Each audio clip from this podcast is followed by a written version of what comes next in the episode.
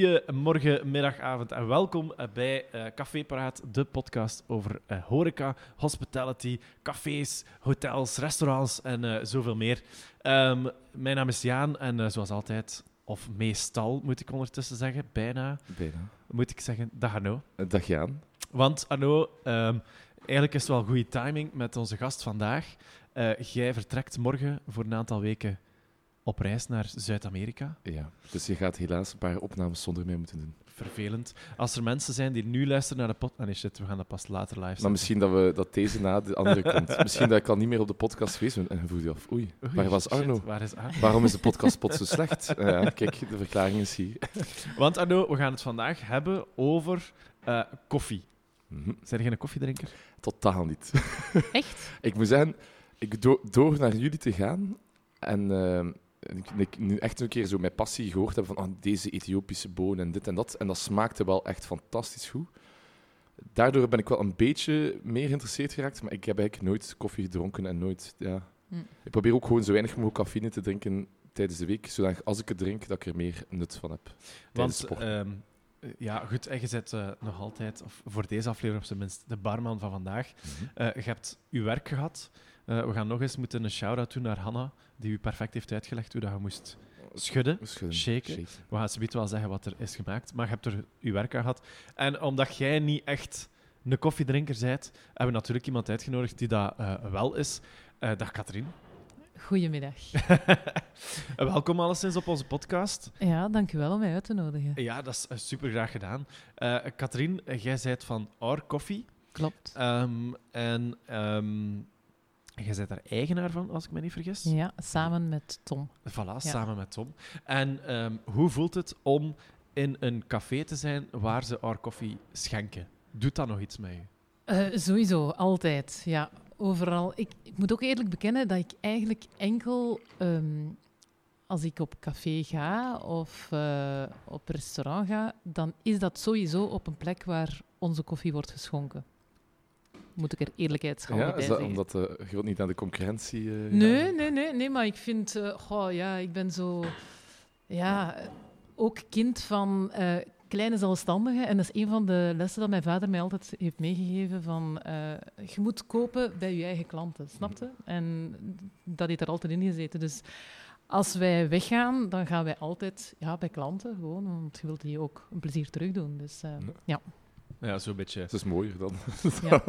wat ik zeg.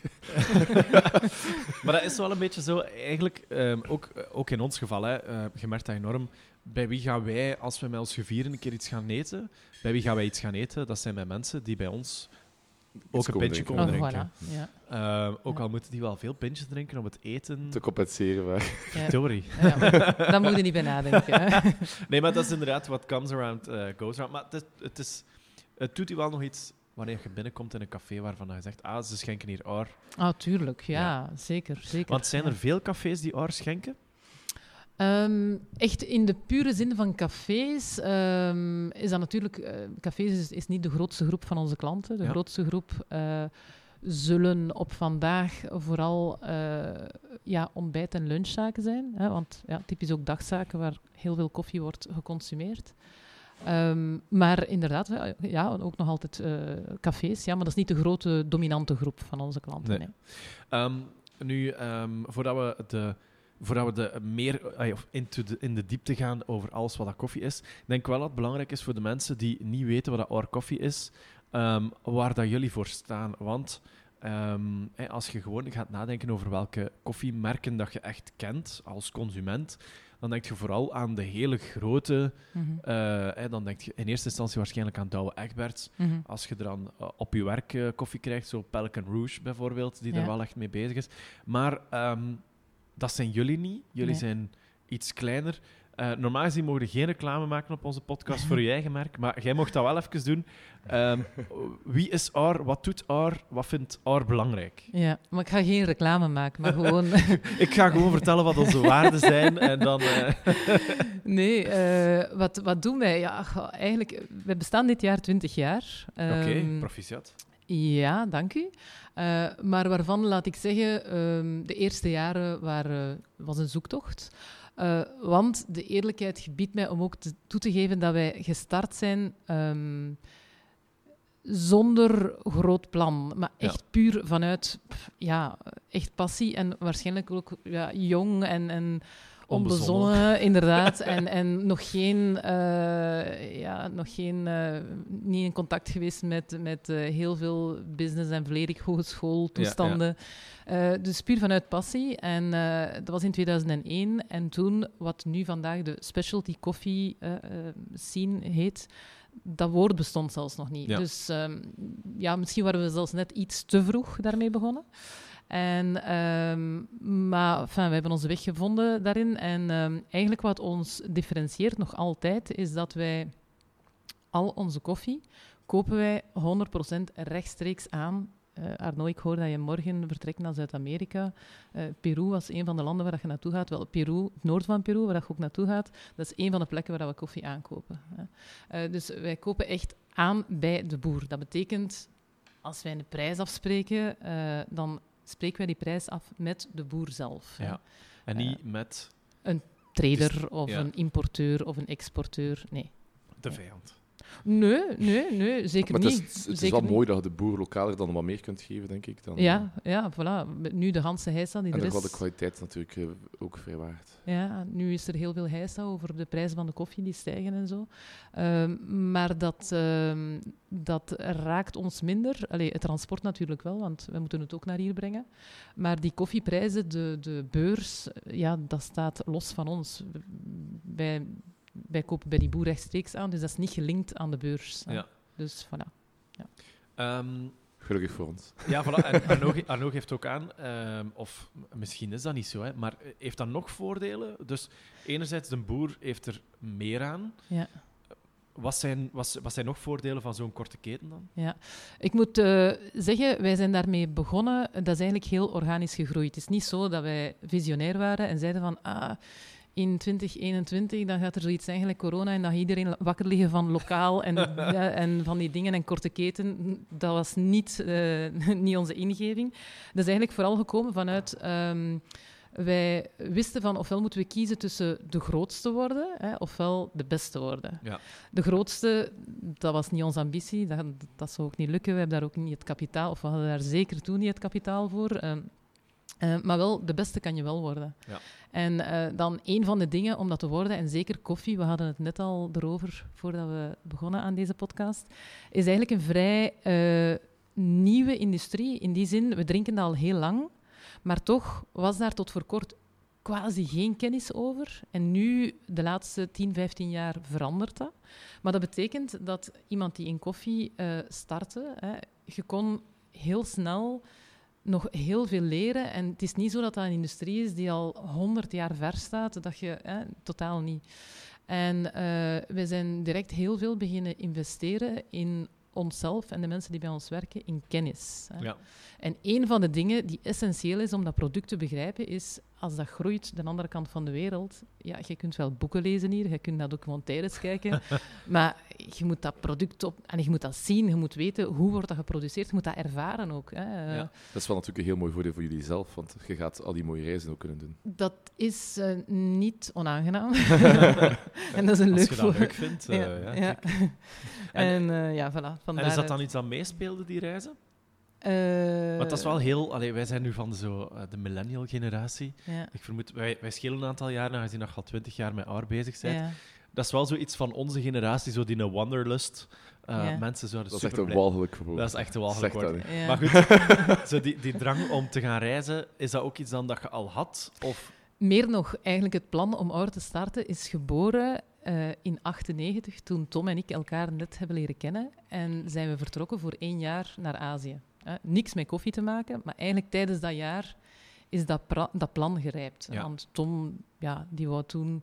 Die zei altijd van mijn droom is koffiebrander worden. Ik vond dat heel raar, want in 98 koffie, niemand was daarmee bezig. Dus ik dacht van, pff, wat een plan. Maar daar is dat gerijpt, tijdens dat jaar. Dus eh, we reisden wel al graag. Hè, dus dat was niet onaangenaam om, dat, om te weten dat dat soort business eh, ja, gepaard kon gaan met Ja, reizen. ja. ja. Ah, tof. En ehm, in wacht, Azië, Ja. jullie een koppel of is dat... Ja, is ja, een- ja, ja, ja, ja. voor de mensen thuis. Voor de, Ja. ze- voor de zekerheid? Ja. Ja, ja, Voilà. Koffie brengt mensen bijeen, Ja. eigenlijk. Hè. Ah nee, je waart toen al wijn. Ja, nee. Shit. Ja, nog altijd. Dus, Ah, voilà, voilà, het, het houdt Ja. mensen Als je, wijn. als je samen een jaar op reis kunt gaan, dan is dat een heel goede test. Ook, ja, Ja. en twi- twintig jaar samenwerken Ja. en drie kinderen verder. Allee, Ja. Ah, voilà. Want ehm, eh, daarnet vroeg jij ook over, eh, over onze samenwerking met Ja. Gildenhuis. Ehm, ik geef vaak als antwoord, ehm, eh, zeker een Vlaming, die vindt dat super raar om samen te ondernemen. En ik zeg altijd, ehm, het voordeel aan onze situatie is, wij kunnen ruzie maken. En we hebben dat geleerd op reis. Eh, dus wij Ja. hebben, een, we hebben drie, vier eh allee, redelijk grote reizen waar we twintig dagen weg waren samen. En dan kom je elkaar tegen, niet omdat je elkaar haat of zo, maar gewoon, je bent een keer een dag echt totaal niet in je naak. Je, je, je bent moe, je hebt weinig geslapen, omdat een, we hebben dan een trein genomen een keer in Vietnam. De dag daarna was ik echt... Ja, ik ben een meter 93 en een slaaptrein in Vietnam, geloof mij, die zijn niet gemaakt voor mensen van een meter 93. en zeker niet als je dan niet zo goed slaapt. Dus ehm, de dag daarna was ik super kregelijk. Ehm, en dan maakte ruzie de dag daarna. Maar omdat we dat zo geleerd hebben, kunnen we dat eigenlijk Ja, in een café hier... eh, kunnen Ja. samenwerken. Voilà, inderdaad. Ja. En zet je zelf nog naar Vietnam geweest? Toev- je daar ja, geweest? toevallig wel in Vietnam geweest, maar ja, dus twintig jaar geleden. Hè, Ja, dus, ja, ja. eh, ja. En, eh, want eh, je zegt, eh, daar is koffie, daar is dat niet ontstaan, maar je hebt daar ook zo wel wat koffie-tradities. we hebben toen Café Da. eggkoffie ge- gedronken. Eh eh, koffie en nog iets. en- Café Da, Café nee, zat zo, als- ja, met die condensed sweet milk zo, Ja. met ijsblokjes. Ja, Ja, ja, inderdaad. En eh, Ja. onlangs was er zelfs een hype, Korean koffie, zo met dat melkschuim, suiker, nee, eh, met eiwit, opkloppen met heel veel suiker en, eh en zo wat filterkoffie, zo oploskoffie zo. Dat was ook zo'n keer iets van die jaar. Mhm. En dan moesten dat op een glas melk serveren of zo. ja, Dat was dan een Koreaanse koffie of zoiets. ja. ja. Aan Maar- hypes geen, geen tekort. Hè. Nee, inderdaad, inderdaad. En is dat iets waar jij ook graag op meespringt, op zo van die hypes? Nee, totaal niet. Nee, meer nog. ehm, eh, ja, voor mij is koffie echt een, ehm, een product dat op zichzelf staat en dat ik ook alleen maar echt zuiver drink. Ja. Dus allerlei eh, ja, cocktails en, en eh, brouwsels met koffie. eh Ja. allee, de stof, maar dat is niet aan mij besteed. En zo nee. de frappuccino's van een, Nee. van de Starbucks. Nee. En de... ehm, Maar heel populair, hè? pas op. Voilà, Allee, en als de- je een en- koffiebar start, dan essentieel op je kaart. Hè? ja, inderdaad. En de espresso martini. Ja, nee. Ja, nee. Niet voor mij. nee. Want een espresso martini is eigenlijk gewoon vodka met, met koffie en dan nog een beetje koffielikeur. Ja. Maar daar werkt wel dat, als ik dan de link mag leggen met Aar, het zou bijna zonde zijn om een koffie die gefocust is op eh enorme smaakbeleving en, echt, hè, en dan nog gecombineerd met die duurzaamheid en die korte keten, om dat eigenlijk te gaan mengen met eigenlijk heel veel, eh, ja, zoals vodka en dan nog een keer koffielikeur. Ja. Eigenlijk verpest je dan een beetje Ja. de liefde die er is ingestoken. Ja, het- allee, de koffie die je daarvoor gaat gebruiken gaat minder van belang zijn, laat het ons zo Ja, ja. stellen. Oké, maar we gaan het dus vandaag over eh, koffie hebben. Ehm, en meer bepaald, eigenlijk eh, zit ik zo met één groot vraagteken. Wat maakt voor u een goede koffie? En eh, laat ons starten met een goede koffie op café. En waarom Ja. is... eh, ja, misschien daarna gaan we wel zeggen van waarom is Aar dan een goede koffie voor op café, bijvoorbeeld. Goh, ik denk dat er ehm, een goede koffie... eh, er zijn heel veel verschillende soorten koffie die ik kan eh, appreciëren, die ik lekker vind. En dat hangt er ook heel erg vanaf van het moment van de dag, van waar je bent, hoe dat je dat drinkt. Ehm, daarmee bedoel ik, eh, ik ben absoluut niet de nerd die enkel eh, van die heel extreme, exotische, ehm, specifieke koffies eh, alleen maar drinkt. Ik kan dat ook lekker vinden, ik vind dat lekker. Hè. Maar dat hoeft niet, dat is niet het enige. Ik kan s'morgens ook genieten van een heel lekkere, ehm, pure Brazil, hè, dat dan heel eh, toegankelijk is en, en niet die uitgesproken aciditeiten en fruitigheid heeft en zo. Ja. Maar ik kan daar evenveel van genieten. Hè. S ochtends ehm, mag dat zeker. Ja. Ehm, dus wat is de beste koffie of wat is eh, een koffie waar ik gelukkig van word? Ehm, ik denk dat, en dat is ook een van de dingen waar wij met OUR naartoe willen. toen dat wij startten ehm, en met onze eigen koffiebars ook en zo, eh, op dat moment kon je bij manier van spreken alleen maar echt goede koffie drinken in een koffiebar. Ja. Ehm, daar moeten we door, daar moeten we voorbij. Hè. Ja. Ik denk dat, het, eh, dat we moeten kunnen streven naar het moment dat je zegt van oké, ik ga in een eh, mooi verzorgd café, ik ga in een goed restaurant gaan eten en ik kan er ook van uitgaan dat de koffie in lijn ligt. Hè. Dat dat gewoon een goede, correct gezette koffie is. Ik, eh, ik, ik ga er even op inpikken. Ik moet zeggen dat ik mij daar zelf al enorm... ehm, ik heb mij er al op betrapt dat ik mij daar enorm aan stoor wanneer dat ik naar een goed restaurant ga. De Ja. koffie is niet goed. Ja. En de koffie is dan... Ik ga het nu even uitvergroten dan de Senseo. En Ja. Meestal is dat wel iets anders. Ja. Maar zo'n huistuin-keukentoestel waarvan dat je zegt dat het misschien niet meer tip-top in orde is, of zo'n heel fletse smaak waarvan dat Mhm. je zegt, ja, ik had dan beter een thee besteld. Eh, allee, ik kan me daar enorm aan storen. Ja. En dat gebeurt heel vaak. Ja, heb nu, dat betekent niet dat je ehm, eh, in een restaurant of, of in een café bijvoorbeeld. Hè, eh, ik verwacht niet dat je hier twee of drie molen zet met opties en keuzes aan koffie. Ja. Dat moeten we blijven reserveren, denk ik, voor die zaken die daarin gespecialiseerd zijn, die dan koffiebars heten. Eh, maar het zou in, eigenlijk in elke zaak is het mogelijk om met een beperkte inspanning een goede, degelijke koffie te zetten. En wat zijn dan die inspanningen? Ehm, ja, een, een deftige machine. En zorgen dat je bij een koffiebrander gaat, waar dat je een minimale opleiding krijgt. Hè. Want uiteindelijk koffie, ik kan je de beste koffie ter wereld geven, maar als je niet ergens... Dat is, dat is net zoals dat ik je de ingrediënten geef van het eh, toprecept van Peter Goossens. Ja. Eh, ik wil uw capaciteiten niet onderschatten, maar het resultaat zou kunnen anders zijn dan dat bij Peter Goossens. Hè.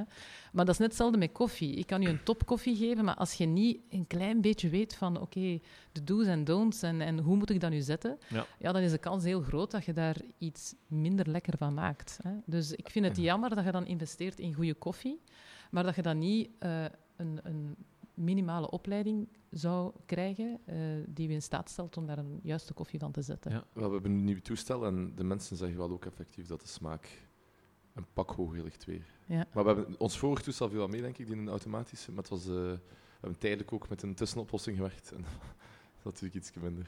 Ja, ik had het daarnet ook uitgelegd, Katrien. Dus wij, ehm, we hadden een volautomaat, we hebben die overgenomen met de zaak. Mhm. Ehm, en ehm, ja, goed, dat was gewoon, hè, voor mensen die nog niet weten wat een volautomaat is, dat is eigenlijk gewoon op een knopje duwen. Dat maalt automatisch, dat duwt automatisch de koffie bij elkaar, zodat er dan water kan doorlopen. Eh, en dan valt dat rechtstreeks in je tas, zolang dat je tas eronder zet natuurlijk. Maar eh, nu hebben we een halfautomaat, waarbij dat we de, de bonen extern malen.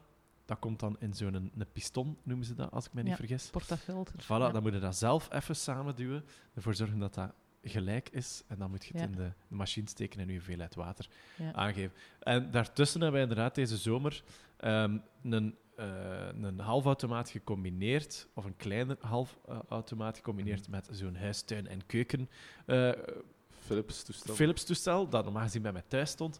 Ehm, en dat was vooral om een keer te kijken, oh, wat is er ook haalbaar wanneer dat bijvoorbeeld een drukke café is? Of Ja. wat is er haalbaar? Ehm ah, was er nog goed van smaak, maar kunnen we wel bolwerken of zo? En wat dat mij vooral is opgevallen, dat ehm, die kleine ehm, moeite waar je daarnet over sprak, dat dat vooral even een investering is. Hè. Dus we hebben nu wel een goed toestel gekocht. Dus zowel een goede molen, een goede molen als een goed eh, halfautomatisch toestel. Maar qua tijd steekt er daar niet per se veel meer tijd in. Uw handling kost echt niet zoveel meer tijd om nu- nu een goede koffie te Nee, het valt echt wel mee. Want in het begin keek ik er echt tegenop. En dacht ik, oh nee, er zijn echt veel meer handelingen, dit, dat. Ja. Maar het valt, het gaat wel snel. Zodra het gewoon wordt en tak, tak, tak. ja, dat is een bepaalde flow ook dat er moet inkomen. Ja, het, het enige nadeel vind ik zelf is dat je wel door de meerdere handelingen kun je ondertussen voor, voor ik wel op knopje doen, nog snel een pintje tussendoor tappen. Ja. Maar dan again, je gebruikt gewoon die tijd om je bordje van je koffie klaar te zetten. En Ja. Maar en ook niet meer fierheid en plezier Dat van die koffie te zetten? dat wel. Ja. Als niet-koffiedrinker en dan op voor het eerst wat tegenstander van de halfautomaat, echt eigenlijk... eh, ik vind het toch tof dat je zo'n mooi afgewerkt product Ja. geeft en dat, dat je toch iets kwaliteit uitstraalt Ja. naar de klanten toe. Voilà. Ik heb nu hetzelfde gevoel bij een gewone koffie als wat ik vroeger had bij een Irish koffie, waar dat de laagjes nog duidelijk zijn. Zo, ja, je, ja, je hebt echt iets gecreëerd. Je, Ja. je hebt je best gedaan en je weet dat als je bepaalde handelingen niet goed gedaan had, dan had het er niet zo goed uitgezien. Dus dat is heel tof. Ik heb vorige week mijn eerste Irish coffee met dit toestel gemaakt. Ehm, en het is de eerste keer dat mij gelukt is om het in laagjes te doen. Mhm. En ik was echt... Ja, je kunt dat niet delen met klanten, want klanten begrijpen dat niet 100%. Ik heb zeker vijf keer gezegd, en het is echt goed gelukt. Oh joh, het is niet normaal. Eh, dus Ze gaan dat zeker gevoeld hebben. En dan direct met zijn lepel kunnen doen. Klik, dus- klik, klik, klik. en meteen in de slagroom daaronder. ja. Nee. Maar inderdaad, die fierheid. Hè. Dus eh, on- ja, je hebt echt niet zoveel meer handling. De smaak is beter en ja, het is Ja. tof dat je iets kunt creëren. Ja. ja dat is enorm. Ja. Ja. En heb jij dat dan ook, dat gevoel van, als jij nu, hè, je zit hier in een, in een ik ga het dan even zo noemen. Ja. ja, dat is mooi. Voilà, dan, dan heb jij ook die fierheid. Ja, absoluut. Ja. Maar ik... Ja, dat is, dat is grappig. Kijk, daarnet, deze middag nog, eh, was ik in de branderij en we zaten met de collega's. eh, we eten altijd samen, iedere middag. En ehm, dan, na het eten, dan... Ik drink bijvoorbeeld nooit cappuccino's. Hè, want gewoon, ik drink geen melk. Ik Ja. lust niet echt melk. Hè. Maar ik maak dat nog altijd graag, omdat... Mensen die... Ik weet, een cappuccino-drinker is heel picky op de kwaliteit van dat melkschuim en zo. En dat kan mij nog altijd zo eh, ja, plezier doen dat ik mensen zie genieten van een correct, goed gemaakte cappuccino. Dus eh, nadien dan vraag ik aan mijn collega's altijd van, ah, iemand al zin in een cappuccino? En dan vind ik dat gewoon kei leuk om voor hen gewoon twee cappuccino's te maken. Dus Ja. ja. dus ja, een koffie zetten, ook al doe ik dat al twintig jaar. het is een heel altijd eenvoudige manier, manier om elke dag eh, blij te Ja, zijn. daar ben ja. ik dan wel eh lui in. Ik, ik, ik zei tegen mensen, het zal wel een cappuccino met slagroom zijn. ja. Voorlopig communiceren we ook nog op de kaart dat het een cappuccino met slagroom is. Ah ja. Eh, maar, eh, dus over eh, drie weken kom ik bij jullie eh, een cursus volgen. Dus daarna is de bedoeling dat ik het wel echt iedereen meegeef hoe dat je een cappuccino maakt. Ja, maar ik kan u al beloven, als jij uit die cursus gaat uitkomen, dan ga jij willen dat de mensen in dat café hier allemaal cappuccino's bestellen. Want je gaat dat willen maken gewoon. Ja, maar als het super druk is, Dan, dan wil ik eigenlijk niet de tijd investeren in het koffie dan zetten. is het zo... Dan is het, als je dan Eh. een bestelling krijgt, ah ja, een Irish, een cappuccino, eh, een mojito en een eh Aperol Spritz. En dan denk je, ja, Ja. Mhm. ik ben gefakt. Ja. Ik zit- vanaf nu ga ik achter zitten. Ja.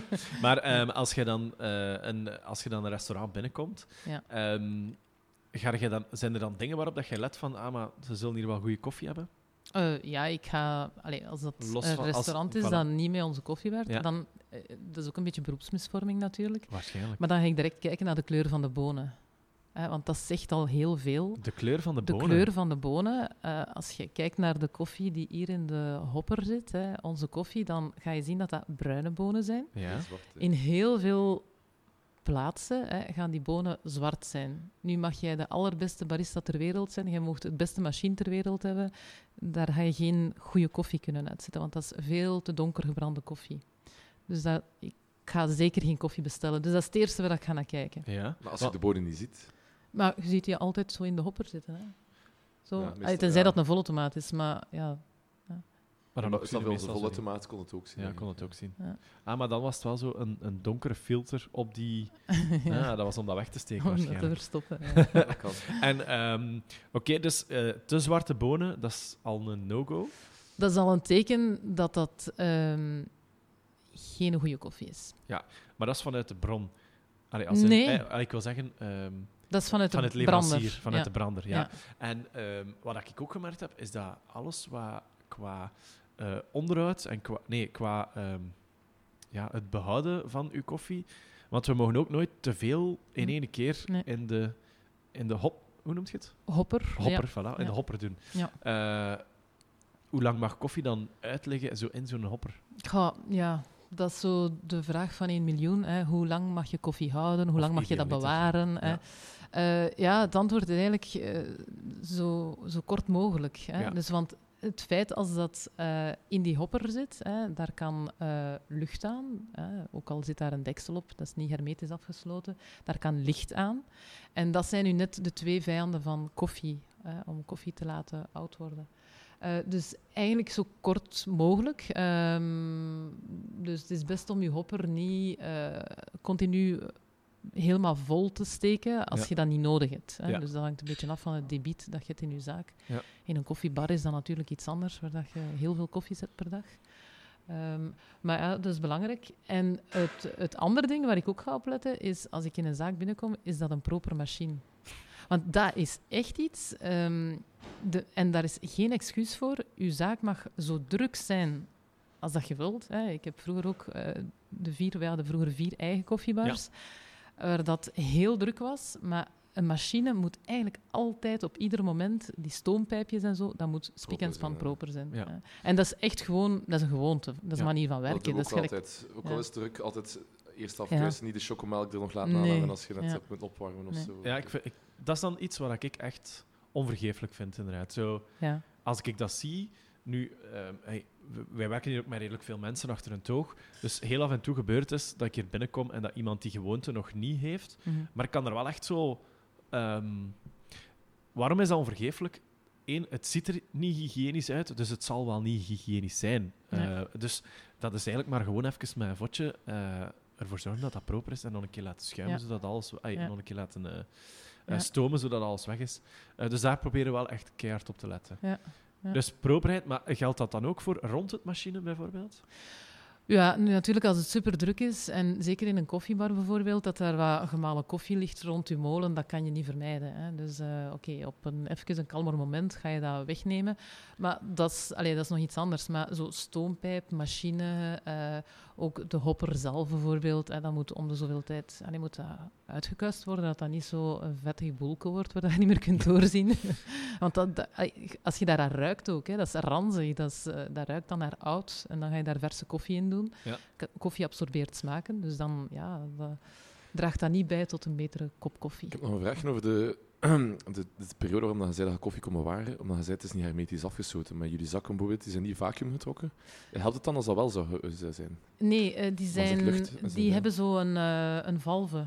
Ja. Ehm, dus een, een soort van one-way systeem. Dus dat betekent, eh, onze koffie wordt verpakt ehm, na het branden.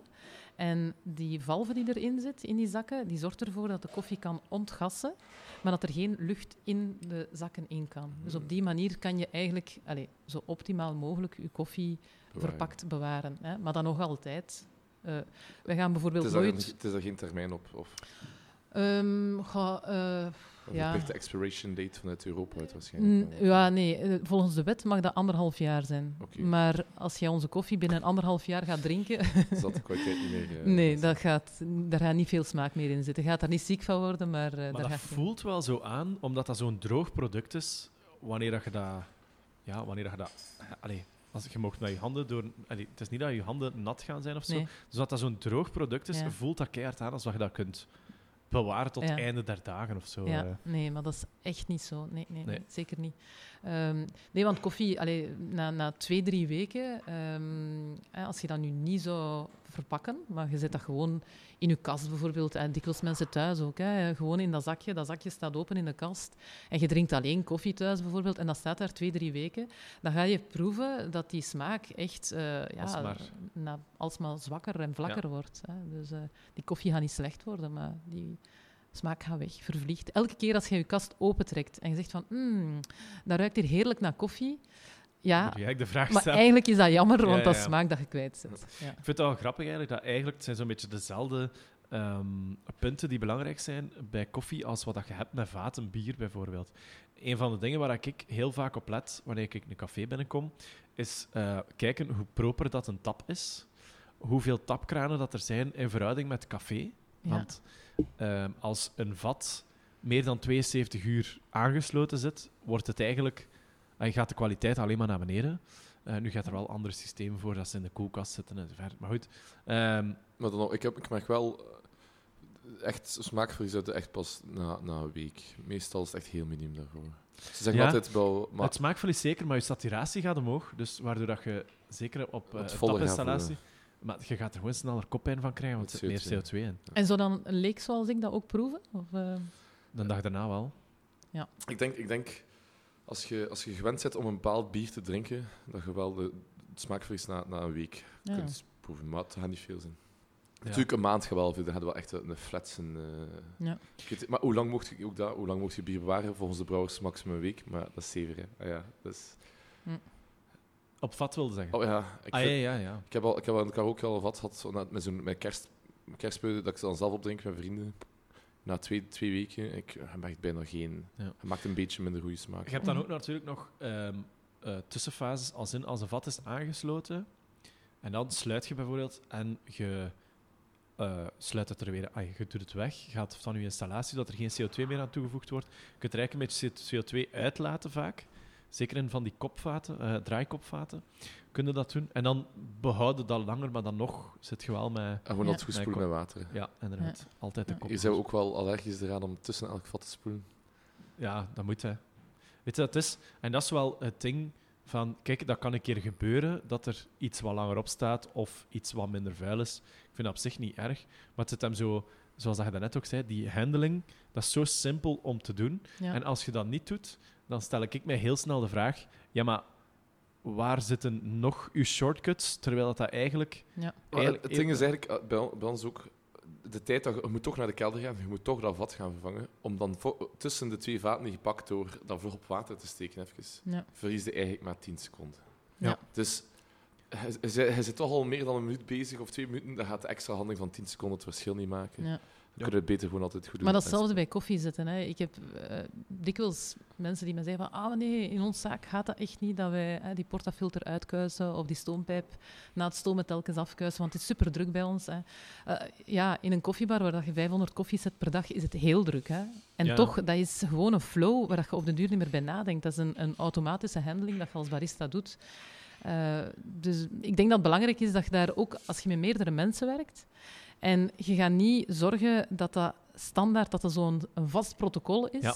Ja. dan op den duur, na een paar maanden, ik bedoel, met veel studenten en dergelijke, ja, dan, dan zit je all the way down. Hè. Dan, ja. Inderdaad. Dus ehm, we hebben het nu even gehad over hetgeen, ehm, ja, hetgeen wat je moet doen of hebben om, eh, om een goede koffie te zetten. Dat is enerzijds machinerie. En dat Mhm. zal altijd mee gaan bepalen wat het eruit komt op het einde van de rit. Ehm, anderzijds is het uw handling. Ehm, uw koffiebonen die goed bewaard moeten worden. En ook natuurlijk ja, een goede kwaliteit dat je gaat aankopen. Ehm, en welke smaak? Wat is eigenlijk uw favoriete koffie qua smaak als je op café bent? En laat ons nu zeggen, het is nu ongeveer, eh, het is in de namiddag. Je gaat op café en je zegt, goh, ik heb wel zin in een koffietje. Naar wat voor soort koffie of wat voor smaken zijn je dan op zoek in de koffie? Ehm, goh, eh, dat kan gaan van eh, een koffie. eh, eigenlijk mijn favoriete koffies zijn koffies wel met wat eh, frisheid en fruitigheid aan. Ehm, maar dat is iets minder toegankelijk en dat is een type koffie dat ik niet zou aanbevelen om te serveren in een café. Nee. Want daar heb je meestal maar één molen. Hè. Ehm, en daar kan je niet de klant de keuze geven. En dat zijn typische koffies. Als je dat aan 100 mensen geeft, dan gaat de ene helft zeggen van... Hé, hey, wauw, dat is tof, dat is iets anders. Maar de andere helft gaat zeggen van... Oh, dat is iets raar. Jullie Ja? hebben op een bepaald moment een, eh, een eh, koffie gehad van Honduras, denk ik. Ehm, ik heb daar zelfs nog gemaild naar jullie, omdat ik die gedronken had in eh Doc Noord. En Ja. dat was zo... daar stond op de... Het is altijd van smaaktoetsen van. Ja. Hè, dat is zo rood fruit. Ja. En ik vond dat belachelijk hoe lekker dat, dat was. Ja. En dan, dat was maar een tijdje dat jullie die hadden of zo. Ja, ja, En ik was daar bijna kwaad op op jullie. Dat, is- dat was zo lekker. ja. Ja, en je, kan dat ook niet omschrijven, hoe hard dat, dat naar rood fruit Fruit. smaakte. Ja, ja, ja. Dat was zot. Ja, maar dat is dus allee, heel, hoe moet ik zeggen, als nu iemand zonder bovenba een koffie geserveerd krijgt en Ja. dat krijgt als standaard koffie, dan kan je ook de reactie krijgen van, eh, is daar iets fout met die koffie? Want, Ja, ja. eh, Dat, hè, want ja, dat is niet wat dat mensen standaard verwachten Nee. bij het bestellen van een koffie. Hè. Eh, dus vandaar, dat is niet een koffie dat ik zou zeggen van, ah, je start een café, ah, wel, dat moet je echt pakken. dat gaat niet Maar evident ook zijn. hier vind ik het ook te gewaagd om niet de houseband te nemen van jullie. Dus iedereen is er heel content van, iedereen vindt dat fantastisch. Maar ik vind, ja, om specifiek te zeggen, ah, we gaan een keer gaan voor inderdaad een van Honduras of één eh, specifiek op Ja. Ethiopië, of dit, dan gaan er te veel mensen denk ik toch Nee, afhaken. nee. Ja, eh, ja, zeker en vast. Ja. En eh, dan moet je ook wel, ehm, moet ik zeggen, een koffie zoals de Houseblend, dat is een heel vergevingsgezinde koffie. dat betekent, hè, daar mag wel wat eh, allee, daar mag eens ehm, qua, qua tijd of qua handling mag dat iets minder strikt zijn. Maar zo een Ethiopische koffie bijvoorbeeld. Hè. Of uh, ja, een, we hebben nu ook zo'n anaerobic Costa Rica momenteel. Dat zijn dan van die heel uitgesproken koffies. Die moeten echt ook juist gezet worden. Exact. Hè. Die molen moet exact goed afgesteld zijn. En daar, die, die vergeven niks. Hè. Maar uh, die, die mogen eigenlijk allemaal niet zetten met een halfautomaat? Jawel, jawel, jawel. Okay. Die mogen niet zetten met een volautomaat. Okay. Die halfautomaat gaat enkel ja. uw volume aan water gaan bepalen. Die moet altijd juist staan. Ja. Het zal inderdaad dan vooral de molen zijn. Het is de molen dat je dan moet gaan aanpassen, ja, aanpassen telkens. Okay. Ja, ja, En daar zit heel veel, eh, omdat dat zo uitgesproken koffies zijn, dan gaat de, de, allez, het smaakverschil gaat enorm zijn als die net niet goed staat. Hè. Uh, dus dat dat is goed voor in koffiebars of koffiezaken, waar dat ze er echt heel erg mee bezig zijn en waar dat, dat ja, je hoofdproduct is. Hè. Maar dat is ook niet voorstellen in, in, uh, in een café of, of zelfs in een restaurant ook niet, want dat is te uitgesproken. Ja. Ik kan mij ook voorstellen dat als je zo'n heel uitgesproken koffie hebt, dat dat ook heel moeilijk te combineren valt om bijvoorbeeld uh, een cappuccino mee te maken ja. of een Irish koffie mee te maken. Ja. Ja. Dan gaat het daar ook echt wel in. Zeker cappuccino, hè, die melk. Uh, in combinatie met som, sommige koffies die dan toch wel heel veel uh, ja, aciditeit noemen we dat dan, hè, zo die zurigheid. Ja. Dat is niet altijd de ideale combo. Hè. En dus als, als je ene molen hebt, dan moet je zorgen dat dat een koffie is die en als cappuccino en als standalone Ja, koffie... eh, ja. En wat is dan voor jullie... eh, dus sowieso heb je de, de oorsprong van de boon. Hè, want we, we zeggen dan heel... we hebben hier nu een paar landen gezegd van ah, die komt vandaar. Maar die houseblend, wat, wat is dan het verschil tussen jullie houseblend en zo'n heel speciale koffie? Wat, Wel, Het feit dat dat een blend is, hè, zorgt er eigenlijk voor... Hè, in die houseblend zitten dezelfde koffies in als dat wij ook dikwijls als single origin gaan branden. Maar eh, ik zeg, daar zit ook Ethiopië in, in die houseblend. Hè. Maar eh, als je die Ethiopië apart gaat eh, schenken, dan ga, ga je echt heel erg die uitgesproken zurigheid, frisheid, hè, ehm, ja, dat, dat, dat scherpere karakter ga je ehm, heel uitgesproken hebben. En in een blend ga je die scherpe kantjes er eigenlijk een beetje van afvlakken. Hè. Dus je hebt wat Brazil, zorgt voor eh, ja, de basis eigenlijk. Hè, is eh, makkelijk drinkbaar, heeft meer eh, ja, chocola, nootjes. Hè. Dan ga je daar een klein beetje van die Ethiopië bij hebben. Dan zit daar ook wat Costa Rica in. En eh Colombie. Hè. Dat zijn eigenlijk de vier ingrediënten van de houseblend. En dat brengt elkaar in balans. Ja. En dat maakt het minder extreem en toegankelijk. Ehm, ik vind het ook heel fijn dat je zegt dat eigenlijk als je zo een, een speciale koffie drinkt, dat jij, jij zet dan iets meer ook zo van die iets zuurdere smaak. Ja. En hetgeen wat je bij ons eigenlijk ook vandaag besteld hebt om te drinken, is, ehm, ja, is eigenlijk ook een ietske zuurdere cocktail eigenlijk. Hè. Eh, Ja. Arnaud, eh, wat zijn we aan het drinken vandaag? We zijn een whisky sour aan het drinken. En op, een, op de Belgische manier, met, eh, met eiwit toegevoegd. En dat heb ik wel vandaag pas geleerd, dat Ja. dat Belgisch is met het eiwit. Ja, maar ik weet niet... Maar ik zat een keer opzoeken in Google. Nee, maar ik, ik geloof ik geloof eh, u, maar dat wist ik dus niet. Dat dat, Ik eh, ja, het was iemand die dat gedaan had. Maar ik hou inderdaad niet van, van zoete cocktails en zo. Ja. Dus ja. moet Ja. niet te zoet zijn. En zit er nog meer verhaal achter? Want ik vond wel, hè, we waren aan het mailen en ehm, ik zei, eh, ja, je mocht ook iets bestellen, dan maken we dat tijdens drinken we dat tijdens de podcast. En eigenlijk kwam die mail heel snel terug Direct, ja. van, een whisky sour alsjeblieft. Ja, weet je eigenlijk hoe dat, dat kwam? Het is puur toeval. Want eh, ik denk zelfs dat... ehm jij hebt me gemaild de dag of twee dagen nadat we een oorfeestje met de branderij hebben we bij ons thuis een feestje gehad. Ja. En dat feestje is uitgedraaid. eh, ja, dat was niet zo gepland, maar ja... dat is uit de eh, Het is uit de hand gelopen. en een van de redenen waarom dat uit de hand gelopen is, is omdat we ja, smor- s'morgens zijn beginnen whisky sours maken. En ehm, ja, die waren heel lekker. en toen, de dag nadien of zo, mail ik met u, of twee dagen later Ja. mail ik met u. En jij vroeg van, ah, wat zou je drankje zijn? En toen dacht ik van, ja, ik moet eigenlijk nu whisky sour antwoorden. dus dat is de reden. Ik heb ook wel het gevoel dat uit de, de kleine dingetjes die je nu vertelt over eh, jullie bedrijf, eh, het is wel zo wat een, een eh, vrienden, familie gebeuren onder, Ja. onder werknemers of onder, onder eh, team of zo. Hè? Oh, allee, Ja, heel zo komt het toch over? Heel erg, ja. Is Ja. dat met die... Bedoel je ook zo? Allee, is dat geen wat je wou creëren ook?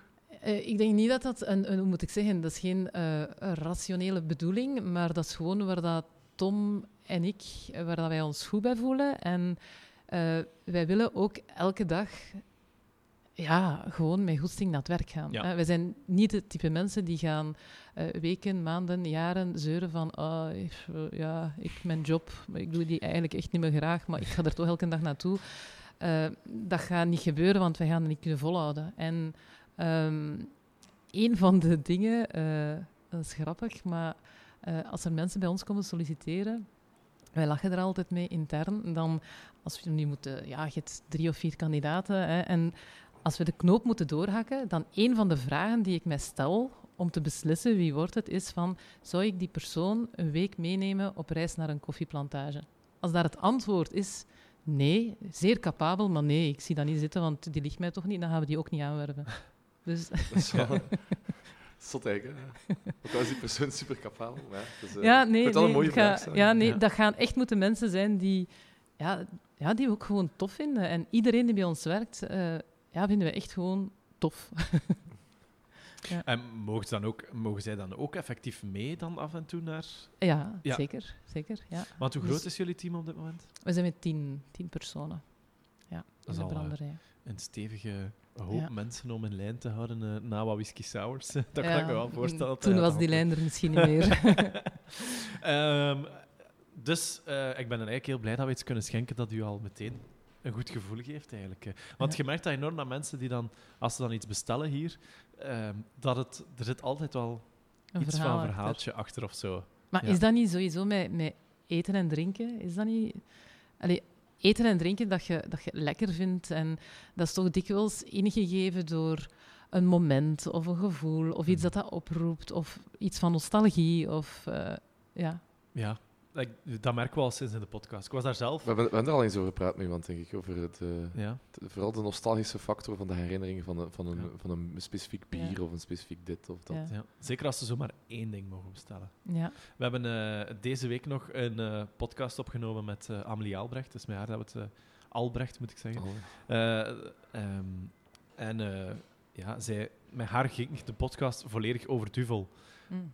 Omdat zij een enorme fan is. Maar zij geeft ook aan dat, dat zit er gewoon echt met de paplepel. Alleen niet letterlijk dan, maar figuurlijk dan. Ja. dat, zij is vanuit de buurt van Puurs, waar dat de brouwerij Ah, ja. is. En dat ze zo... wat Geen keus. nee, dat is, dat, is Ja. uit- ja, dat is op dat vlak uit de hand Ja. gelopen bij haar. eh. Ja. Ja. Maar eh, dus een, een, eh, een, als, een iets zuurdere koffie, ga ik zeggen. Als, acedisch, as, Aciditeit. aciditeit, ja. En Met wat- hogere aciditeit. Voilà, voilà. Ja. Ehm, ehm, dat is ook hetgeen wat ik echt, wat ik echt zoek als ik naar een koffie ga drinken. Want ik stop af en toe in Starbucks. En daar hebben ze zo die een dark roast, die ze heel vaak geven. En goh, dat komt toch wel heel snel zo verbrand Ja. over, vind ik persoonlijk. En dat, Wat is uw mening dan eigenlijk over Starbucks? dat is een mooie flow, ik kom goed overeen. Maar gaan wij nooit een mening horen geven over andere koffie? En ik denk, eh, elke koffie dat er is en die wordt gekocht door consumenten, die heeft het recht om er te zijn. Hè? En eh, ah, gelukkig is Maar- er maar- veel diversiteit. Hè? maar is het niet ook dan gelukkig dat die speci- specifieke niche-markt nu met speciaal koffie, die ook meer is opgekomen de laatste 20 jaar dan in België, dat die is opgekomen omdat mensen gewoon van die beter wisten? Heel veel mensen die heel, graag koffie dronken, maar niet wisten van, amai, het bestaat gewoon veel beter dan hetgeen wat ik... Ja, maar we moeten ook durven toegeven dat eh gans onze specialty koffiemarkt moet ook dankbaar zijn aan Starbucks. En dat, dat klinkt misschien raar dat ik dat dat zeg. de, de hype mee Maar ja. Eh, eigenlijk. tot voordat wij Starbucks leerden kennen, of mensen die ja, initieel bestonden nog niet in België, maar gingen misschien op reis naar Amerika en hadden dat daar leren kennen van, hey, koffie kan ook zoiets anders zijn en je kunt dat ook anders drinken dan bij de bomma of dan bij de pannenkoek en de wafel. Hè. Dat, hebben, dat is toch wel Starbucks die dat bij ons heeft binnengebracht. Hè. Ja, dat is En waar. dan, oké, hebben wij als specialty branders ehm, gewerkt aan een andere invulling van de kwaliteit en dergelijke, maar eh, marketing-wise zijn kleine KMO's zoals wij niet in staat om een gedragsverandering aan zo'n grote groep mensen Nee. te, Nee. te, te brengen. Dus dat zijn giganten zoals Starbucks die dat kunnen doen. En wij zijn op de kar gesprongen. Hè. En, eh, Ja, maar je merkt wel inderdaad dat zo'n hele generatie... eh, en ook zo, we hebben het er net over gehad, over die... niet de specialty koffie van de boon, maar eh, gewoon over, over het eindresultaat. Hè. Die frappuccino's, die ehm, eh, spice pumpkin spice lattes Ja. eh, en zo verder. Dat is... ehm, en ondertussen zijn de eerste klanten binnengekomen in het café. En Jas heeft de deurtjes open gedaan. Ehm, het zijn mensen met een hoorapparaat, dus ze zijn wel leider aan het roepen. Kijk, de koffie, ik zie de koffiemachine al bewegen. Ah, voilà, Ja. kijk, Gewoon kijk. altijd donderdag stipt om drie uur Ah, koffie kijk, drinken. dat is Voilà. mooi, dat is mooi. Inderdaad. Dat is ook... eh, Dat is, ja, dat is die... Dat is die herinnering, dat is die gewoonte. Hè. Ja. Eh, want maar inderdaad, vroeger, ik kende alleen maar filterkoffie. Ja. En het is maar de laatste acht, negen jaar... Het is pas na filterkoffie dat ik eigenlijk koffie ben beginnen drinken. Ehm, en ook zo op het werk, en dat gaat zo te hotijn klinken, maar zo in het begin denkt je aan een Senseo, dat is, dat is oké, it keeps me up, eh, ik word er wakker van, tof. Ja. Ehm, Maar het is ook perceptie. Je denkt dan dat dat nog beter is dan dat het is, omdat je door de reclame, dat ziet er fancier uit dan Mhm. een, Du- een Douwe Egberts of een... Ja. Ik weet niet, ja. Ja. Ik denk dat Ja. dat veel doet, ze. Ja, het sowieso, maar dat heel is... die reclame met voilà. de, de George Clooney eh, show. eh, Ja, ja, dat, ja. hebben dat- het- dat helpt wel aan het beleven. Zo, wauw, om Ja. die koffie die, die moet wel lekker zijn. We hebben het met pils ook besproken. Hè. Als je ziet wat er op het flesje staat, Espresso. dan uh, het, het, het voegt toe aan uiteindelijk je smaak zelfs. Hè. Ja. En ehm, ja, dat is wel enorm. En ehm, Starbucks, ja, ik, ik denk dat je daar wel gelijk in moet geven. Dat dat wel eh, geholpen heeft om ervoor te zorgen dat kleine branderijen dat die dan wel kunnen groeien. En ook ehm, die, eh, als je gewoon ook kijkt naar het aantal echt koffiebaars, dat is toch ook echt immens gestegen. Ja. Ik denk dat er zeker de laatste tien jaar in Gent. Ja, in een heel kort. eh, wij zijn in Gent gestart met onze eerste koffiebar. Dat was 2009. En Ja. toen was dat. Het was zeer moeilijk om aan mensen uit te leggen wat dat wij gingen starten. Een koffiebar. Een koffiebar. Alleen Hoe- koffie. Een café zonder. Alleen, dus alleen koffie. eh, ja, oh, of nee, een, een theeroom. Nee, ook niet. Nee. Dus dat was zeer moeilijk. En eh, nu kunnen we ons nauwelijks nog herinneren dat er een tijd was dat er geen koffiebars bestonden. Ja, inderdaad. Is er. echt zo bijna op, op, op elke hoek of zo kun je wel eh, een deftige koffie. Want wat ik daar ook nog extra aan zou toevoegen van die Starbucks. ehm, ik vind dat zot. Vroeger, wanneer dat we stopten aan een tankstation, dan haalde je je koffie uit een machine. En dat was het. En iedereen was daar tevreden over, vaak zelfs heel tevreden over. Maar ondertussen, zelfs al is er geen eh, Starbucks of zo, Eén, je hebt al veel Starbucks langs de autostrade bij ons, maar je hebt zelfs ook ondertussen gewoon koffiebars langs de autostrade, waar dat mensen echt staan aan te schuiven Ja, voor 2 euro meer te betalen voor een koffie, Ja. omdat hij met liefde gemaakt is, of, Ja. of niet. Hè? Ja. Ehm, dat vind ik wel, ja, eigenlijk is het wel zot. ja, maar dat is dezelfde beweging dat je voelt. eh, dus wij geven al, eh, ik weet niet, eh 10, 12 jaar eh barista-opleidingen, zoals dat je er binnenkort in komt volgen. Hè. Eh, dus elke maandag en dinsdag zijn er van die trainingen bij ons. En eh, vroeger dan waren dat echt, de mensen die dat kwamen volgen waren ofwel koffie-nerds, Ja. ofwel mensen die een koffiebar gingen starten. Hè. Ja. Nu is de grootste groep zijn eigenlijk mensen uit meer de bredere horeca die zeggen van ja, de klanten, hè, ehm, ja, de klanten duwen hen eigenlijk van dat er iets moet gebeuren met de kwaliteit van hun koffie. Ja. Hè. Dus dat eh, gevoel dat, dat die druk komt vanuit de consument, dat die consument niet meer altijd pikt van hè, dat je gewoon zo ergens een brouwsel eh, Ja, ja, ja. schenkt, maar dat dat meer moet zijn. En eh, ja, dat kunnen we alleen maar toejuichen. Want ik heb niet het gevoel dat wij dat nu gedaan hebben vanuit de klant. Was er vraag naar betere koffie?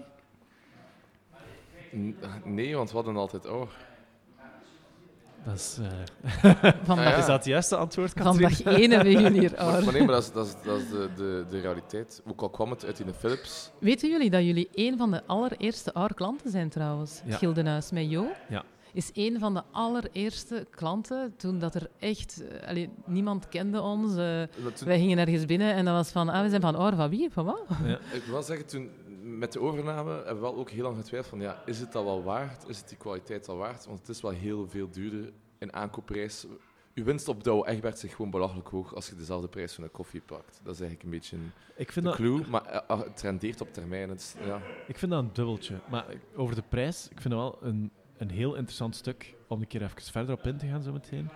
Ehm, Want het maakt wel een mooi voor- verhaal van jullie. En jullie gaan lokaal bij die boeren. Het is een betere wisselwerking, steunt beter.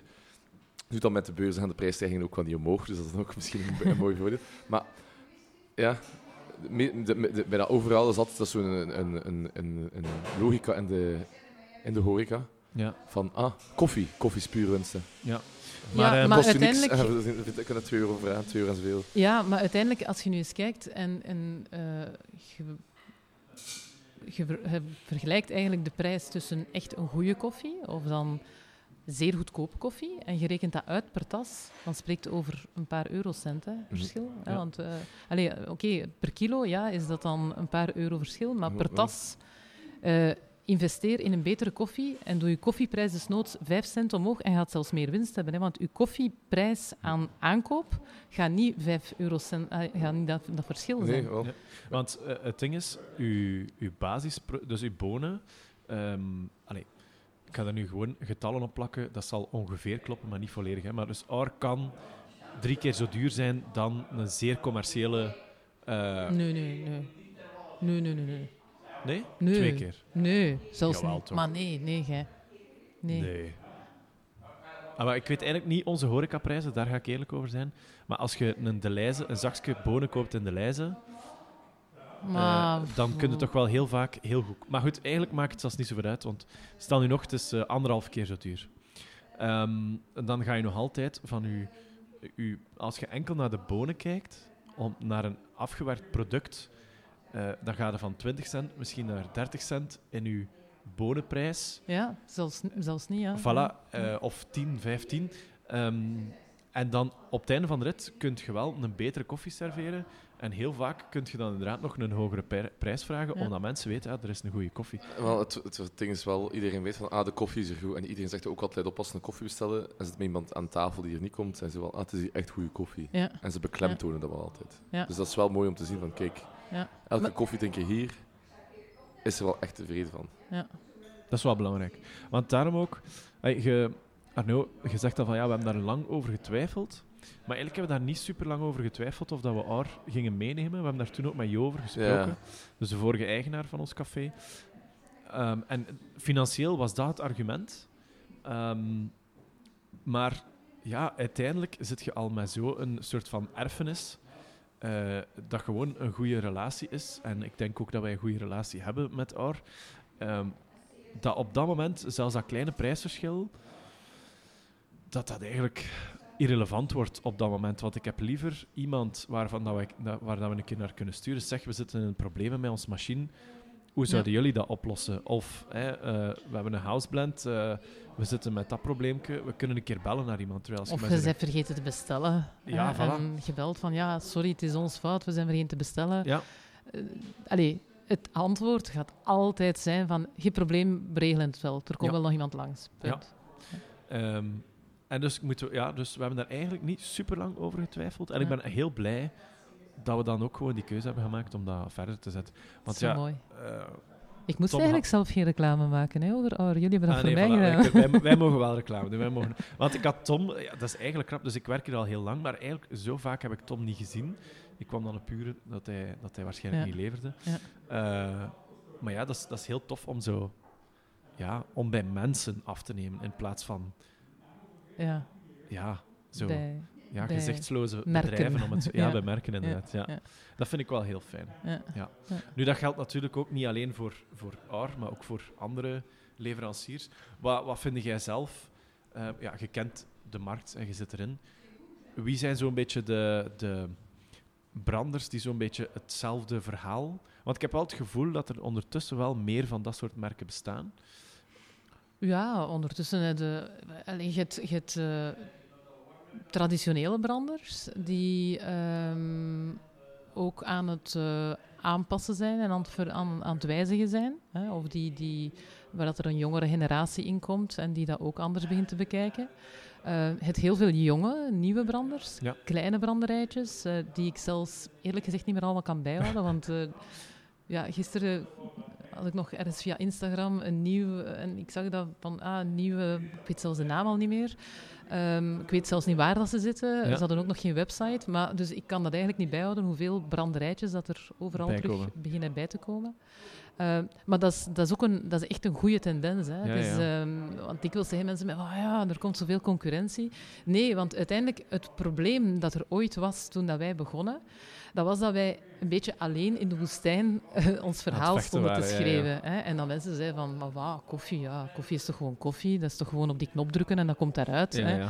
En als je dat alleen staat te verkondigen, ja, dan dat is niet zo evident. Als die eh, boodschap wordt ondersteund door heel veel anderen, ehm, dan is dat minder lastig. En oké, dan is het aan iedereen om je te differentiëren van elkaar. En, en je doet dat op uw manier. En, en ja, wij zijn nog altijd heel... ehm, ja, ik denk, eh, we hebben een heel aparte eigenheid, denk ik, bij OR. Ehm, ja, dus, eh, dus allee, we kunnen alleen maar toejuichen dat, dat de markt verbreedt en vergroot. En, eh, Het ja. is eigenlijk nog altijd, ehm, die markt zit nog altijd in een situatie waarbij dat je kunt zeggen dat je, juist omdat er meer mensen zijn, is de taart gewoon groter aan het worden voor iedereen. Waardoor iedereen wel zijn stukje nog kan blijven behouden of zo. Ja, ook als je koffie vergelijkt vandaag tegenover 20 jaar terug. Eh 20 jaar terug, dan dronk je dat thuis. Gaat daar geen kwaliteitsvereisten over. Dat was niet een ding. Hè.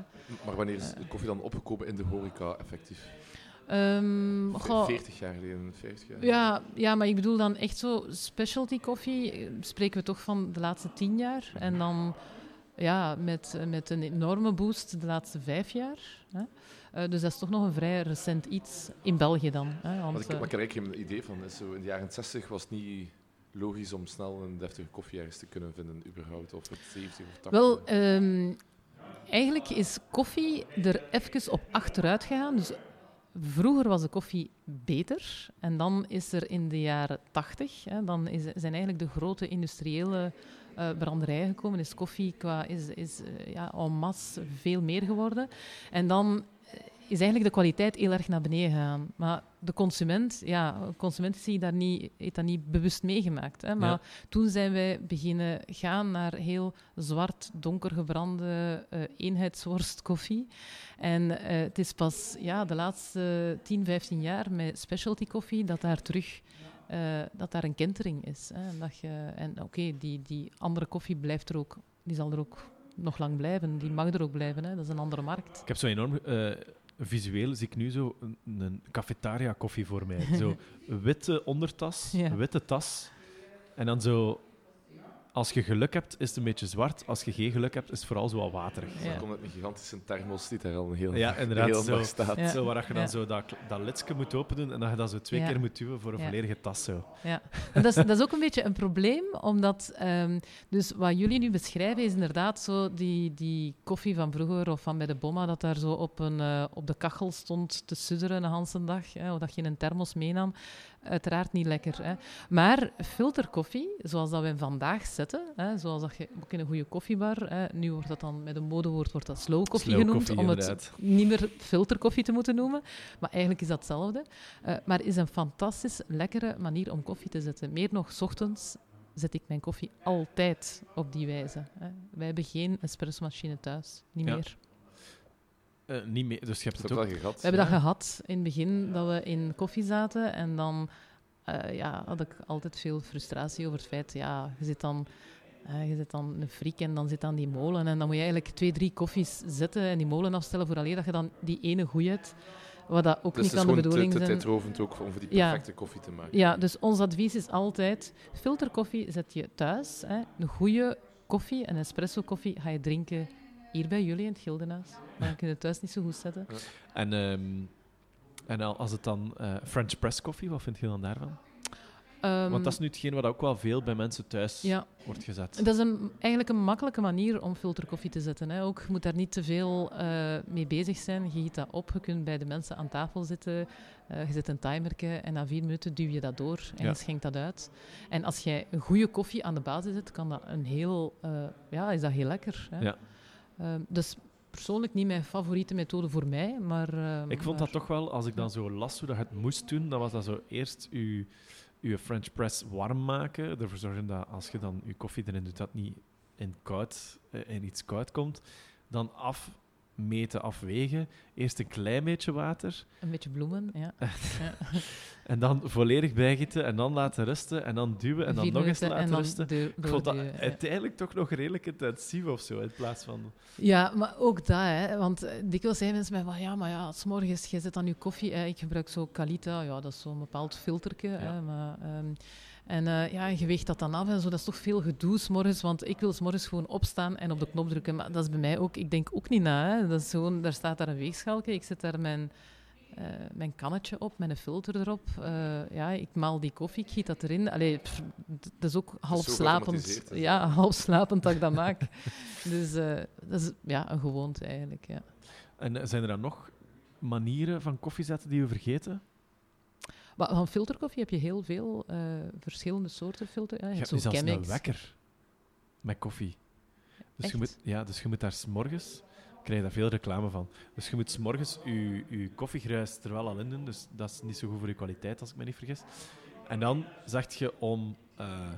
ah, ik wil wakker worden om 7.30 uur. En die koffie begint dan door te lopen, zodat je eigenlijk wakker wordt met de geur van Oh, koffie. En dan ja. gaat er waarschijnlijk ook nog een alarmknop, want ik zou dat niet vertrouwen. Moest het enkel met de geur zijn. je moet wakker worden of zo. Oh, maar het is wel leuk om met de geur van koffie wakker te worden. Ja, dat kan ik. Maar dan ja. moet dat wel in uw, in uw slaapkamer staan. Ja, nee. Ja. ja. ja, Of waarom niet? eh, hè? op een heel open bebouwing. Waarom niet? hè? Eh, ah, nee. ja. Of zo in de loft. Zo. Ja. Eh, want inderdaad, daar heb je dan veel mogelijkheden van. En je hebt er ook heel veel die, zo, ja, die er zo zeer ingewikkeld uitzien, maar het is nog altijd gewoon warm water op een filter eigenlijk smijten. Hè. Ja, ja. smijten. Je hebt nog een ding, in, zo, ehm, zo die cappuccino maken, zo die, eh, ah, die metalen... Eh, Bialetti. Ja, Bialetti's, ja, ja, ja. Ja. Daar heb je ook nog... Wauw. Dat is eigenlijk de, eh, hoe moet ik zeggen, de voorloper van espresso. Hè. Dus dat is eigenlijk dezelfde filosofie, maar dus, niet geautomatiseerd. Ja. Hè. Ehm, maar ik denk dat dat meestal, dat is echt een nostalgisch drankje. Meestal mensen die daarmee beginnen, die zijn op reis geweest, hè, in Italië, in Spanje, hebben dat daar in de B&B gedronken en hè, in de sfeer ginder is allemaal lekker. En die gaan dat dan verder eh, gebruiken thuis. Ehm, ik persoonlijk ben daar echt geen fan van, want ik vind dat dat al zeer moeilijk te controleren is en dat je heel wisselende resultaten hebt. Ja. Dus ehm, nee, ik gebruik dat zelf niet. Ja. Maar ja, heel Ja. populair. Het is, het is waar. Eigenlijk, ik, ik moet meteen denken aan eens gaan kamperen en dat we op die manier Ja. koffie hebben gezet, want je kunt dat gewoon op een gasvuurtje zetten Ja. en, eh, Ja.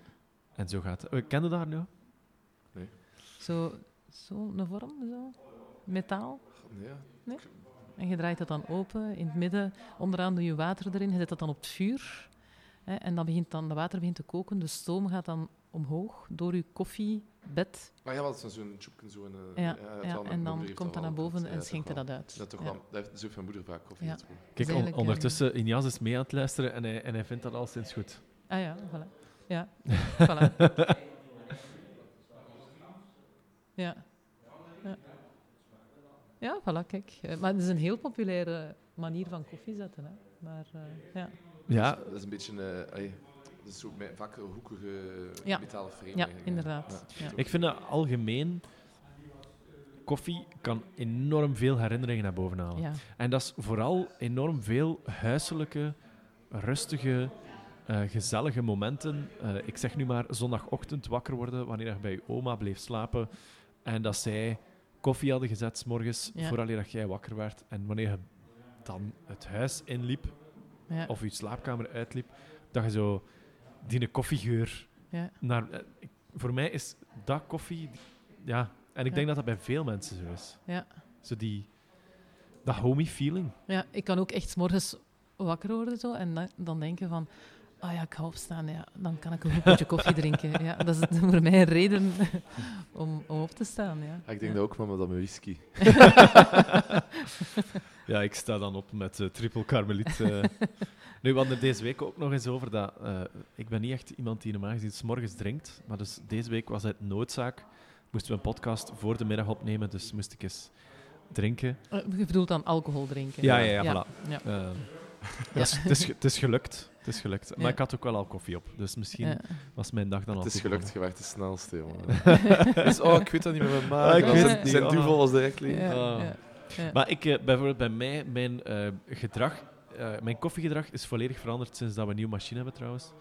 Ehm, ik drink eigenlijk ergens anders geen koffie niet meer, Ja. behalve hier. Ja. Dat is vooral ook portemonnee gewijs. Scheelt dat ook voor mij dan?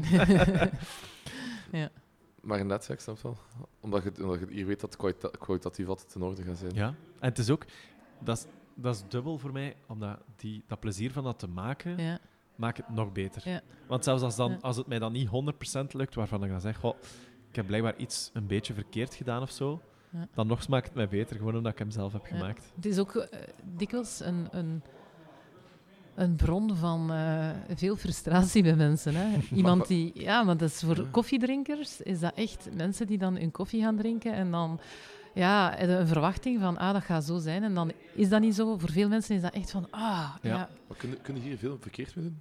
Als je Ah, het schuin aanstampt. Wat, ah, wel, schuin aanstampen, want dan gaat eigenlijk je water vooral doorlopen waar dat er minder koffie is, waar hij wat fletser gaat zijn, Ja. als ik mij niet vergis. Ja, ja. Ehm, je kunt te veel of te weinig koffie eh, erin doen. Maar dat is toch...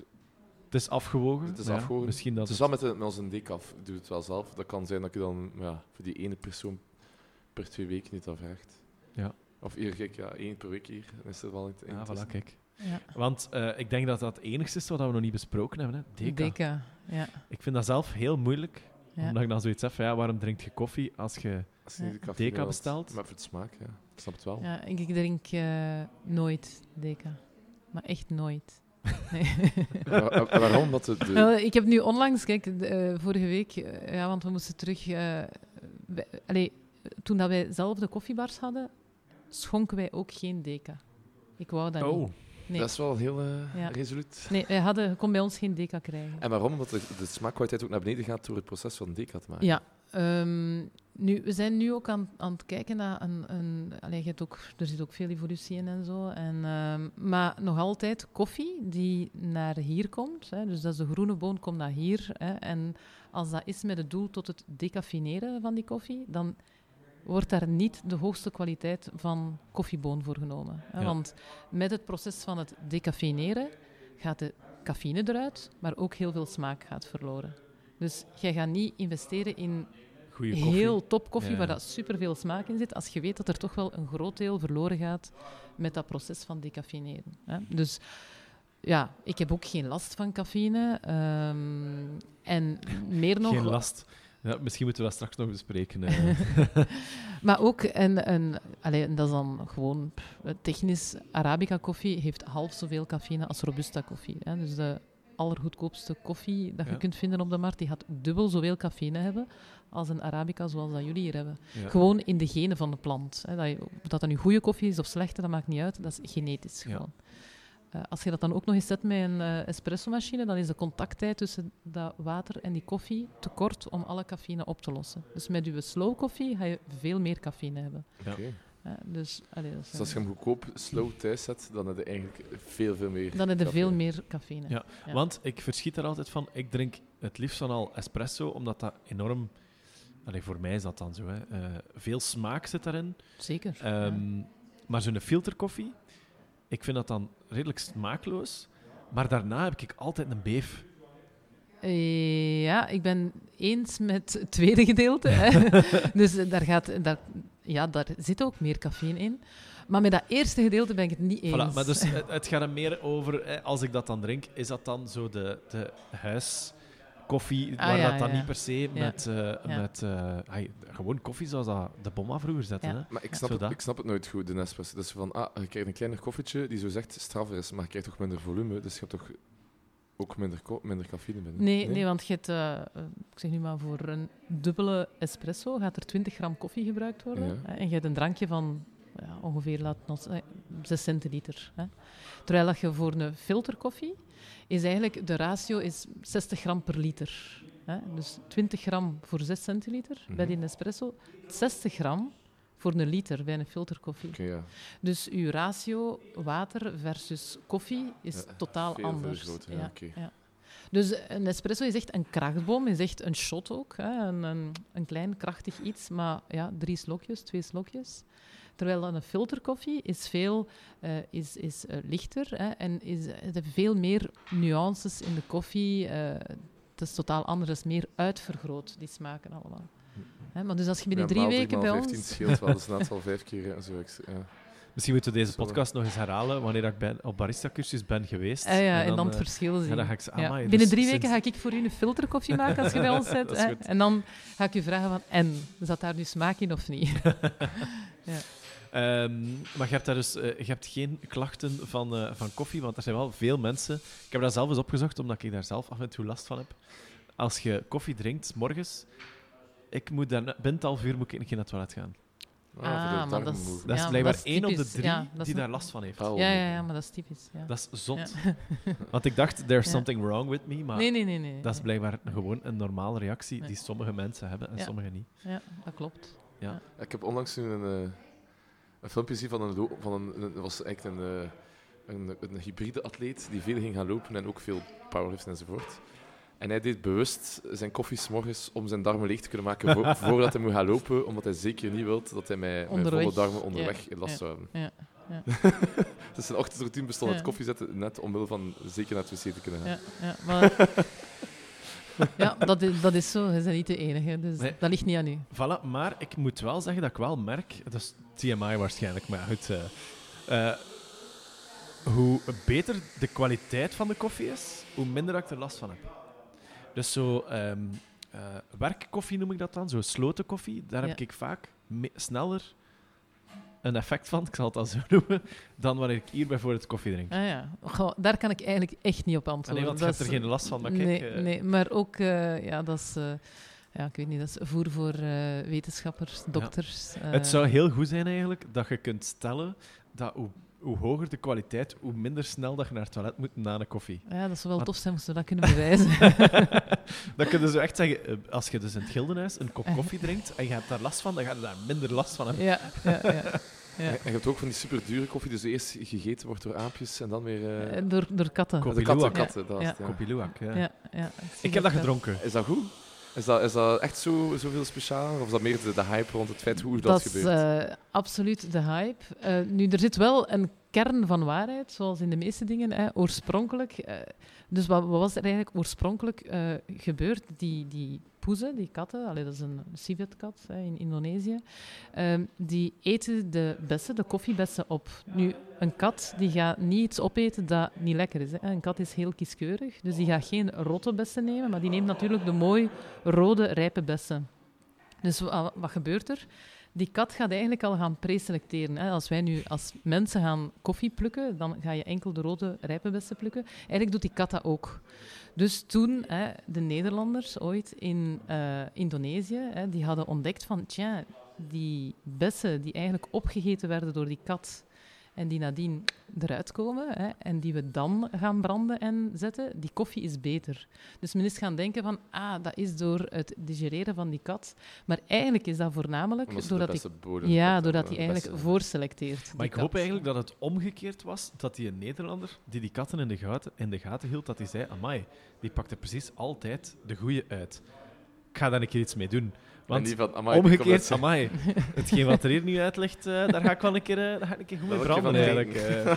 Maar het ding is natuurlijk nu dat er zo heel veel van die katten worden in kooien gestoken. Die worden gewoon Ah. bonen gevoederd. Want ja, dat is een goudmijn. Hè. Die bonen gaan daar... Want ze zijn Steek daar allemaal goede kopen in. maar eigenlijk is dat dus niet, want ja, het zijn slechte nee, bodem. voilà. Want- steekt hij er gewoon in en die komen er als gouden bolletjes, bij manier van spreken, uit. Ja, want in Indonesië ehm, is dat echt...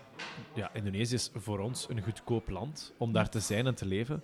Maar de prijs die je in Indonesië betaalt voor zo'n een, een klein pakje koffie, Dat is ook dat is, dat naar die normen daar, dat is, dat is Superduur, belachelijk, dat is ja. super duur. Ah, is jammer dan dat het niet tegen ja, het, het, eh, de, het proces is binnen de darm natuurlijk, want anders had het nog een Ja. beetje een effect gehad van al die katten op te. Ja.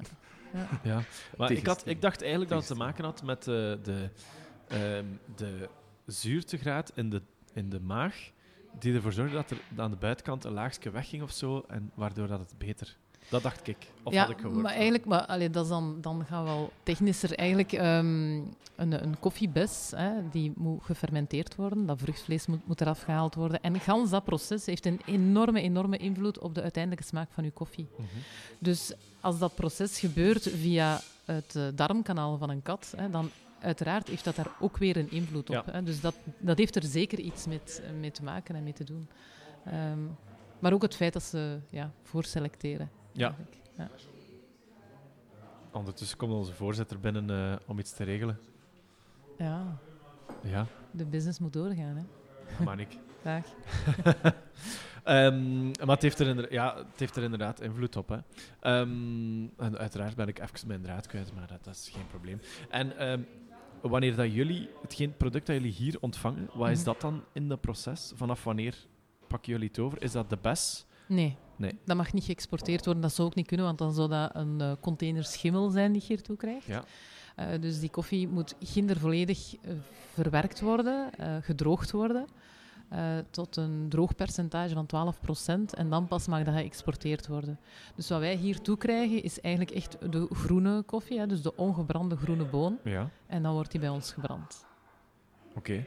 En ehm, we hebben het daarnet nog een keer over, die, hè, over het maken gehad, we hebben het over de origine gehad.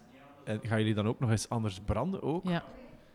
ja, we gaan sowieso anders branden. Ehm, we gaan anders branden als we weten dat dat voor filterkoffie is of voor espresso. Ja. Dan gaat dat lichtjes anders gebrand worden. eh, in functie van de zetwijze. Ja. Hè, dus dat zit ook in een ander zakje. Het witte zakje is filter en groene zakjes zijn espresso. Ja. Eh, en we gaan ook anders branden volgens, allez, grosso modo ga ik zeggen, volgens de manier hoe dat die koffie verwerkt geweest is. Hè. Ja. Dus je hebt eh, natural koffie die in de bes wordt gedroogd. Je hebt dan honey process, dat is iets in between. En dan heb je gewassen koffie. Hè. En afhankelijk van hoe dat die boon is verwerkt en behandeld, gaan we het procedé van het branden eh, daaraan aanpassen. Ik, eh, ik, ik heb het gevoel dat we hier nog, eh, nog een tijdje over kunnen doorgaan. Maar stel nu dat mensen... Want wat ik ook merk is... Jij zegt van... Ah, kijk, het zijn ook heel veel café-eigenaars... ah, gewone café-eigenaars die nu zeggen... Ja, we willen Mhm. beter koffie kunnen schenken. Mhm. Maar ik heb ook wel het gevoel dat er veel interesse is, ook gewoon bij, eh, ik, ga het nu de consument noemen, het is iemand die er geen ja. belang bij heeft om een betere koffie te schenken, Ja. maar alleen voor zichzelf. Is, zien jullie dat ook stijgen qua cursussen bijvoorbeeld? Zeker, ja. Eh, wij geven ook eh, cursussen voor ehm Centrum voor Avondonderwijs, Ja. in onderaanneming voor hen. Ja.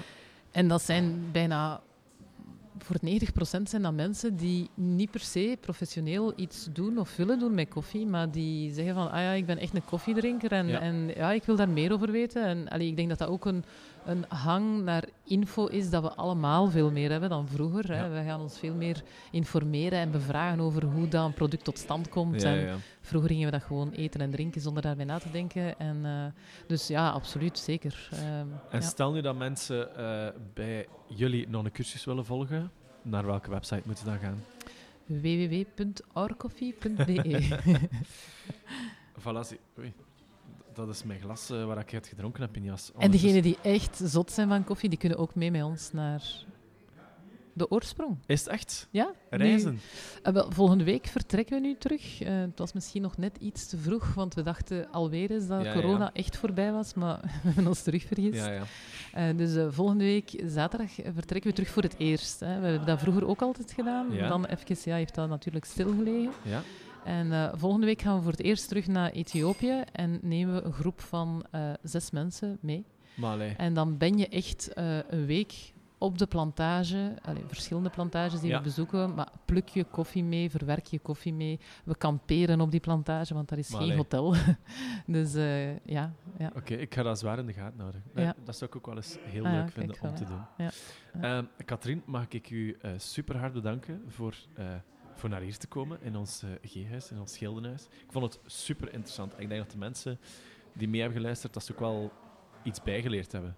En ik hoop Ja. dat het vooral zo die, die goesting gaat creëren om er wat verder over op te zoeken en eens na te denken over wat dat ze overdag drinken of wat dat ze s'avonds kunnen drinken. ja. En ergens hoop ik ook dat ze zo gaan weten, ah oké, in het Gildenhuis wordt er our koffie gedronken en our koffie is lekker. We gaan daar een koffie drinken. ja. Maar jullie ook heel erg bedankt om mij uit te nodigen. Dat is graag gedaan. En Arno, heb jij nog een eh, fun fact om Fun je af te sluiten? zit er zeker vast. Dus de whisky sour is eh, uitgevonden door Jerry Thomas in 1862. En in 1922 heeft de Belg Robert Vermeire daar Dus besloten om daar ei- eiwit aan toe te Hoe Vlaams kan de naam Aha. ook zijn? Robert Ver... nee, of, of, of laat het ons Belgisch noemen. Ja. Robert Vermeijeren. Maar blijkbaar dat was ze wel eh, ook eh, half Engels. Ah, ja. Ah, Ja. kijk. Dus het was een bekende bartender. ja. Voilà, kijk. Voilà, kijk. Fun fact. Voilà. Eh, dan eh, rest er mij nog maar eh, één ding te zeggen. Dankjewel om te luisteren. En eh, merci om erbij te zijn, Katrien. Merci om erbij te zijn, Arno. De volgende afleveringen ga ik dan even zonder u opnemen. Ik weet nog niet hoe dat, dat gaat in elkaar zitten, maar ik ga je missen. Ik, ik weet niet, want ik zit in Zuid-Amerika. Geniet van de trip. Voilà. Eh, lieve mensen thuis, salutjes en eh, ja, ciao.